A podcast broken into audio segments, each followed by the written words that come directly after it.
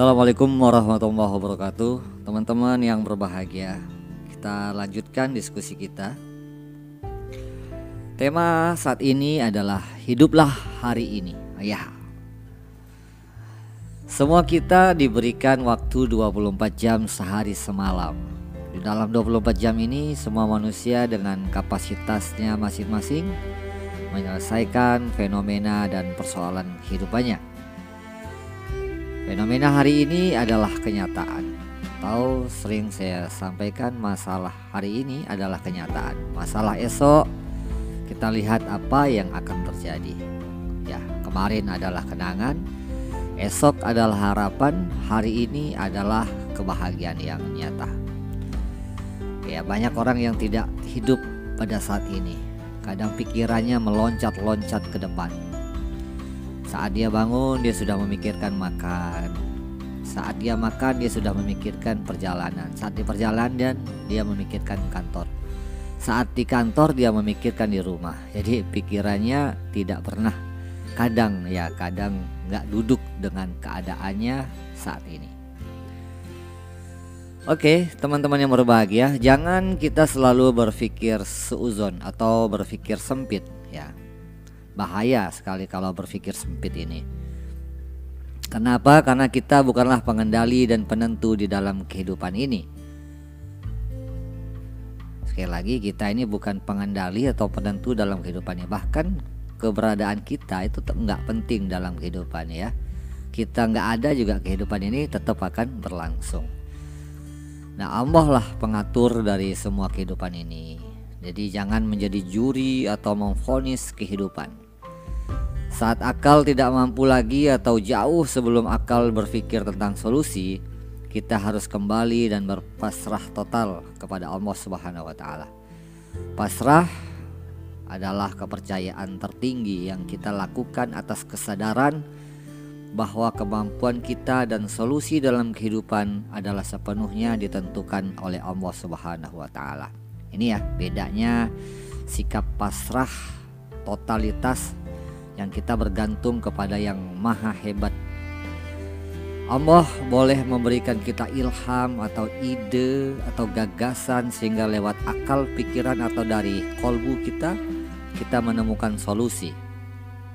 Atau Allah boleh menggerakkan orang lain atau menggerakkan alam semesta untuk membantu kita dalam persoalan yang sedang kita hadapi. Jadi itu benar-benar bukan wilayah kita. Nah, kemampuan kita iman dan pasrah kepada Allah itu merupakan kecerdasan hati. Nah, ini dia, hati yang cerdas itu karena dia memahami logika-logika kehidupan. Hati itu kemudian berani pasrah kepada sesuatu yang lebih hebat daripada dirinya, yaitu pasrah kepada Allah. Hati yang totalitas dan berhusnuzon kepadanya. Apakah ada masalah yang tidak bisa diselesaikan oleh Allah? Kan nggak mungkin ya. Yang ada ialah lemahnya hati kita untuk mempercayai kekuasaan Allah. Jadi masalah sebenarnya itu ada pada diri kita yang kurang cerdas, apa itu? Kurang berani untuk mempasrahkan segala urusan kepada Allah Subhanahu wa taala. Nah, kenyataan yang tak sesuai dengan harapan kita itu salahnya di mana sih? Ya sebenarnya salah kita menggantungkan harapan itu pada usaha-usaha kita. Harusnya harapan itu tetap selalu bergantung kepada keputusannya atas keputusannya Allah bukan atas keputusan usaha kita. Nah, teman-teman yang berbahagia, bahagia itu mudah ya. Kemampuan seseorang untuk membahagiakan dirinya adalah tergantung dari apa apa syarat yang ia pikirkan. Sekali lagi, kemampuan seorang membahagiakan dirinya itu sangat tergantung dari apa syarat yang ia pikirkan. Ada yang syaratnya minim, ada syaratnya tinggi, bahkan ada yang orang berani bisa bahagia tanpa syarat. Jadi itu tergantung sekali bagi seseorang bagaimana ia membuat hukum-hukum di dalam pikirannya. Syarat yang ia buat itu menjadi hukum dan struktur di dalam pikirannya. Misalkan dia mengatakan saya akan bahagia kalau saya bisa mencapai sesuatu. syarat mencapai sesuatu itu adalah syarat yang dibuat oleh dirinya sendiri. Berarti sangat subjektif. Artinya dia akan merasa bahagia kalau syarat itu terpenuhi atau keadaan terwujud. Nah ini hukum-hukum yang dibuat oleh pikiran-pikiran kita sendiri. Dan ini tentu berbeda antar kita ya tentu berbeda Nah, jika hal-hal tertentu bersesuaian dengan apa yang menjadi hukum pikirannya, maka kebahagiaan itu akan dirasakan. Tapi sebaliknya, jika hal-hal yang terjadi tidak bersesuaian dengan harapannya, hmm, kadang ya kehilangan harapan atau kehilangan kebahagiaan. Jadi nggak sempurna bahagia yang ia rasakan, bahkan mungkin akan berlanjut kepada kekecewaan. Akibat apa? Akibat syarat yang ia tentukan tadi. Jadi efek pribadi yang mampu bahagia dalam banyak keadaan itu akan berdampak besar bagi kualitas kehidupan. Jadi kualitas kehidupan seseorang itu ditentukan oleh apa? Ayo coba teman-teman. Apakah oleh relasi atau oleh duit yang banyak atau oleh sesuatu yang bersifat materi Nah ya, jadi kualitas kehidupan yang baik itu adalah orang yang lebih banyak bahagianya di dalam kehidupan. Berarti dia punya kecerdasan hati dan kecerdasan pikiran sekaligus. Dan hukum bahagia itu semakin seorang bahagia maka ia akan mendapatkan makna kebahagiaan yang jauh lebih banyak. Jadi kalau mau syarat yang bahagia, kalau mau dapat bahagia memang syaratnya bahagia dulu itu sudah menjadi hukum ya hukum yang Allah tetapkan kepada kita. Wa idz ta'azzana rabbukum la in syakartum la azidannakum wa la in kafartum inna azabi lasyadid Ibrahim ayat ke-7 ya nanti silakan dicari itu maknanya. Di sini jelas menunjukkan bahwa kemampuan seseorang merasa bahagia itu ditentukan dari pola dan cara berpikir ini kita perlu memanage pikiran kita. Jadi perlu dipelajari, perlu ditelaah agar apa? Agar keputusan dan pola pikir kita sesuai dengan manajemen pikir yang ideal, yang standar. Kenapa perlu diatur dan dimanage sedemikian rupa agar pada kondisi dan saat tertentu struktur berpikir kita ini bisa aktif dan otomatis kalau sudah aktif dan otomatis berarti dia akan masuk ke dalam pikiran bawah sadar. Jadi yang akan merespon secara langsung pikiran bawah sadar kita terhadap berbagai macam fenomena-fenomena yang mungkin bakal kita hadapi. Oke. Jadi semua orang itu akan tertimpa kesulitan ya. Akan tertimpa ujian, itu sudah pasti. Nggak ada manusia yang nggak diuji ya. Jadi kalau orang ditimpa ujian itu adalah fitrahnya manusia siapa pun kita. Cuman bedanya apa yang membuat beda? Yang membuat beda adalah orang yang uh, lebih belajar atau orang yang sudah belajar dan mempraktekannya. Saat ia mengalami ujian, move onnya lebih cepat. Ya, recovery-nya lebih cepat. Ada orang yang ketimpa masalah itu bisa bertahun-tahun baru pulih. Ada yang sampai berbulan-bulan, ada yang berminggu-minggu. Nah, orang yang sudah belajar dan mengamalkan pola pikir yang benar ya durasi kecewanya nggak lama-lama. Mungkin dua jam atau paling lama satu hari besok dia sudah pulih kembali. Atau bahkan lima menit atau pada saat kejadian dia langsung merilis emosi-emosi negatif. Nah itu bedanya. Jadi nggak ada motivator juga. Susah motivator mungkin para kiai juga para ulama juga terkena dengan masalah ujian-ujian ini. Tapi mereka secepat kilat itu bisa mengembalikan keadaan dan kemudian berpikir yang terbaik.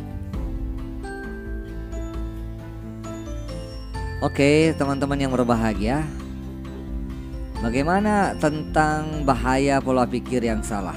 Nah, pernahkah kita mendengar pepatah yang mengatakan misalkan seperti ini? Berakit-rakit ke hulu, berenang-renang ke tepian ya Berakit-rakit kita ke hulu Berenang kita ke tepian.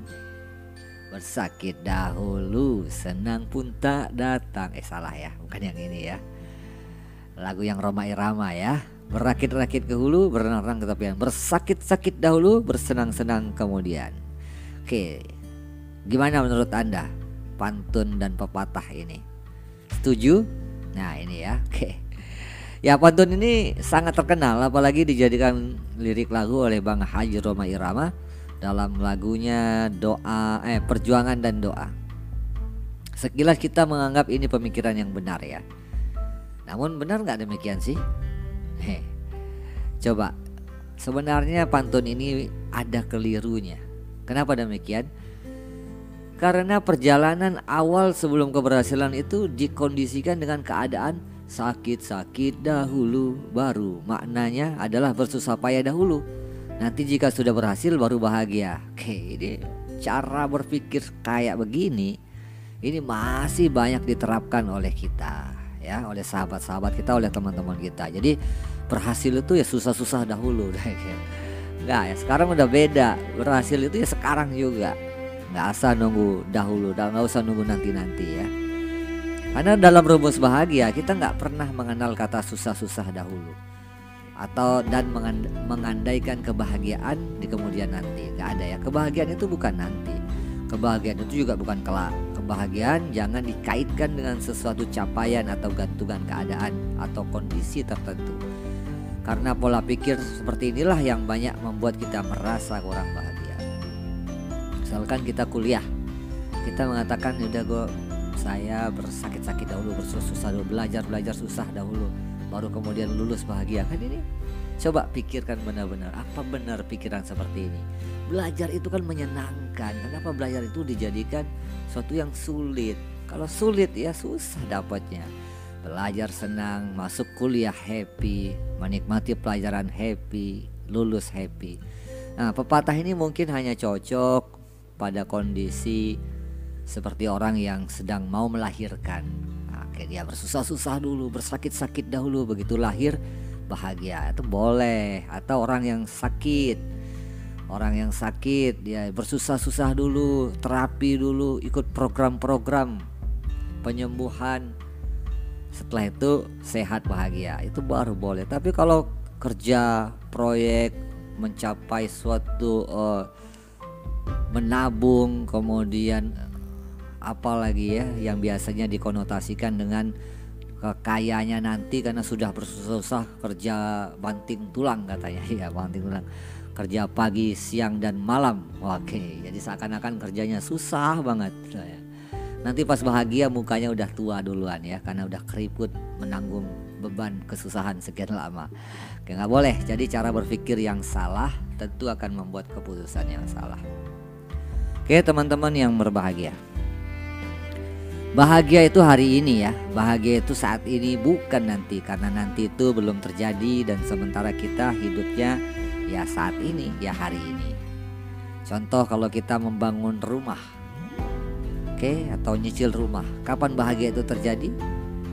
Kalau kita mengandaikan bahagia itu terjadi pada saat rumah itu kita tempati Ya berarti sedikit ya bahagia kita dapat tapi kalau kita berpikir bahagia itu mulai saat kita mencicil atau mulai saat kita membangun, mulai saat kita melihat tukang-tukang bekerja, wah seluruh proses dari hari ke hari bangunan dari mulai nggak ada kemudian tampak oh, itu adalah satu hal yang menyenangkan. Jadi setiap hari ya adalah hal ya hari yang menyenangkan.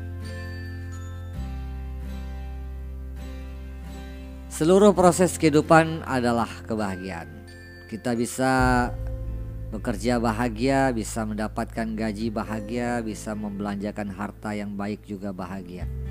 Orang yang sedang menganggur juga bahagia. Loh kok bisa bang? Oke, bisa nggak sih orang nganggur bahagia? Ya, oke gimana caranya?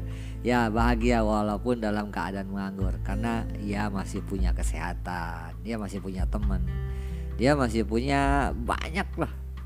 Cuman kerja aja kok yang nggak punya. Ya. Mudah-mudahan yang nganggur uh, seneng bahagia terus berusaha ya begitu. Bukan susah-susah berusaha jangan ya.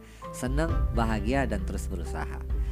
Orang yang sakit juga bahagia. Bagaimana bisa? Karena sakit hari ini ya masih banyak yang lebih parah atau lebih kritis. Makanya pepatah orang Melayu atau pepatah budaya Indonesia selalu mengandalkan untung ya. Jadi kalau misalnya kecelakaan dia tanya apa? Apa kenapa? Kecelakaan? Terus apa yang terjadi? Ya itu tangannya tangan kirinya patah. Oh untung masih tangan kirinya patah tangan kanan masih selamat gitu. Ya tangan kiri patah itu masih untung katanya. Begitu dikabarin ini tangan sama kakinya patah. Wah tapi masih selamat masih selamat. Ya untung. Hanya tangan dan kakinya yang patah nggak badannya yang remuk atau kepalanya yang remuk. Begitu begitu kepalanya remuk badannya remuk ditanya gimana masuk? ICU masih hidup? Masih hidup. Oh, untung masih hidup kalau enggak sudah lewat. Begitu sudah lewat ditanya gimana? Udah lewat? Innalillah wa inna ilaihi untung meninggal katanya. Kalau dia hidup bisa cacat seumur hidup. Jadi selalu berpikir untung ya selalu berpikir bahagia. Oke rumus pertama di dalam manajemen pikir atau cara berpikir untuk bahagia ya rumus pertama nih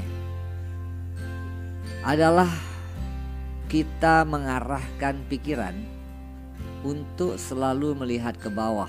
Ini rumus pertama nih. Jadi arahkan selalu pikiran kita selalu melihat yang lebih bawah daripada kita dalam hal dunia, harta, kekuasaan, jabatan itu lihatlah yang lebih bawah. Itu rumusnya.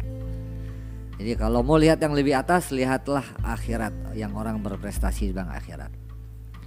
Jadi kita kalau melihat orang yang lebih tinggi berarti posisi kita di mana nih? Posisi kita di bawah karena kita melihatnya menengadahkan ke atas ya. Ya selama kita melihat ke atas berarti berarti posisi kita sedang ada di bawah. Benar nggak? Ya kalau kita melihat mangga di atas berarti posisi kita di mana dong? Di bawah. Oke. Jadi kalau kita melihat ke atas maka posisi kita di bawah. Jadi kalau kita mau merubah posisinya gimana? jangan lihat yang di atas, lihat yang di bawah. Ya kalau kita berdiri, lihat lutut kita, lihat kaki kita di bawah dia. Oke, jadi lihat orang yang di bawah kita. Banyak nggak orang yang di bawah kita? Banyak sekali. Nah kalau lihat seperti itu maka akan muncul hati yang bersyukur. Ya Alhamdulillah, Alhamdulillah. Alhamdulillah banyak sekali nikmat yang saya nikmati hari ini. Gitu, kondisinya begitu. Nah, jadi saat kita mampu mensyukuri apa yang terjadi kalau kita mampu bersyukur dengan keadaan kita hmm, orang yang mampu bersyukur dengan keadaan dirinya pada saat ini ya dia akan ditambahkan nikmatnya oleh Allah Subhanahu wa taala. Jadi kalau teman-teman misalkan uh, tinggalnya di perumahan biasa ya jangan sering-sering lewat di perumahan elit ya gitu ya. Karena ngelihatnya aduh kapan ya saya punya rumah seperti itu? Nah kayak udah mulai. Aduh aduhnya itu kepinginnya udah mulai ya mempengaruhi akhirnya merasa tidak cukup merasa tidak bahagia dengan rumah hari ini. Ya. terus pertanyaannya boleh nggak sih kita punya rumah yang besar? Ya boleh aja siapa yang nggak boleh. Kalau ada uang beli aja. Satu dua juga nggak apa-apa. Ya tenang aja. Tapi kalau belum punya jangan membuat kita terganggu kebahagiaan kita karena melihat orang yang dilebihkan rezekinya oleh Allah Subhanahu wa taala. Oke, demikian uh, cara berpikir kita yang pertama. Nanti kita lanjut lagi deh untuk selanjutnya dalam cara-cara kita membentuk pola pikir kita akan menjadi bahagia. Demikian, assalamualaikum warahmatullahi wabarakatuh. thank you